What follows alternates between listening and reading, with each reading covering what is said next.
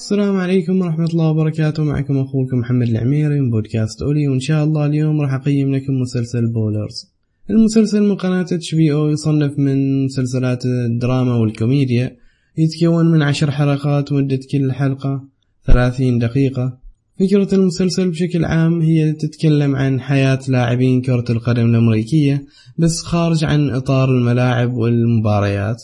يتكلم أكثر عن حياتهم كلاعبين كرة قدم وعن عائلاتهم وأصدقائهم المقربين منهم اللي قريبين معهم في اتخاذ القرارات. في المسلسل كبطولة عندنا الممثل المشهور اللي هو دوين جونسون يلعب دور سبنسر. سبنسر هذا مدير مالي يحاول يساعد اللاعبين إنهم يبتعدوا عن طريق الإفلاس. وإنهم يستغل أموالهم في استثمارات وأشياء ثانية ويحاول يساعدهم في المشاكل اللي تصير لهم بسبب أسلوب حياتهم اليومي وهذا المشاكل اللي ممكن تهدد مصيرهم أو تهدد مهنتهم كلاعبين كرة قدم.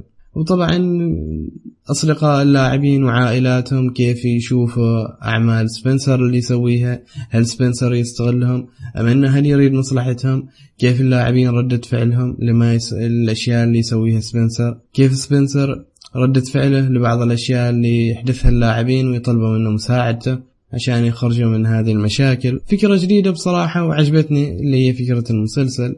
أيضا التمثيل في المسلسل كان ممتاز بين ممتاز وجيد جدا بغض النظر عن دوين جونسون كممثلين الآخرين طاقم التمثيل بشكل عام. كان الشغل اللي يسويه شغل زين وجيد وما كان سيء أبدا.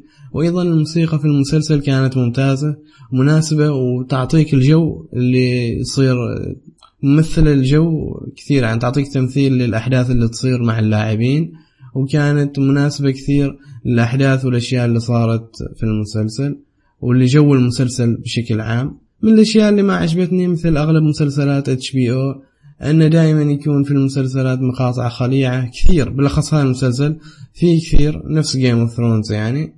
وفي كثير مقاطع خليعة وعري ومشاهد للكبار يعني. وأيضا الإخراج والتمثيل في أول أربع حلقات حتى تمثيل الفكرة كان سيء كثير. يعني ممكن أول أربع حلقات تخليك تسحب على المسلسل لأنها كانت سيئة بشكل كبير. لكن أتمنى أنك تصبر شوية. أول أربع حلقات يعني تصبر عنهن لأن بعدين اللي بتشوفه شيء جميل وأحلى بكثير. وتستحق أنك تشوف أول أربع حلقات سيئة. لباقي الحلقات لأنك راح تستمتع.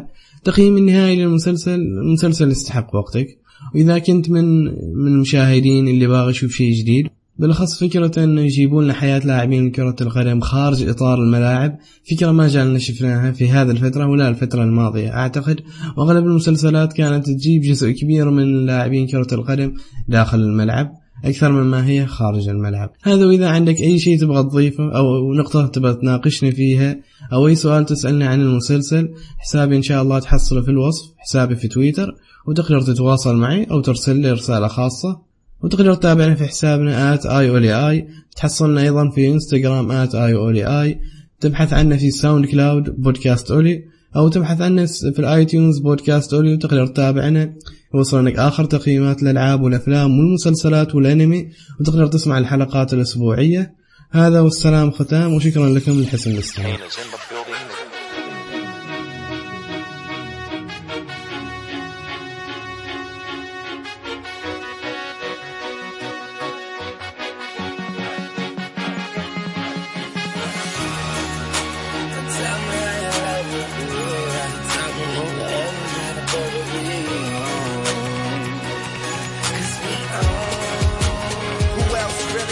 Fuck with Hollywood Cole. I'm with Marla G, bro. Flying Hollywood chicks to my Hollywood shows. And I wanna tell you something that you probably should know. This that slumdog millionaire Bollywood flow. And uh, my real friends never hearing from me. Fake friends write the wrong answers on the mirror for me. That's why I pick and choose. I don't get shit confused. Don't like my women single. I like my chicks in twos. And these days, all the girls are down the road. I hit the strip club and all them bitches find a pole. Plus I've been sipping so the shit is moving kinda slow. Just tell my girl to tell a friend that it's time to go. This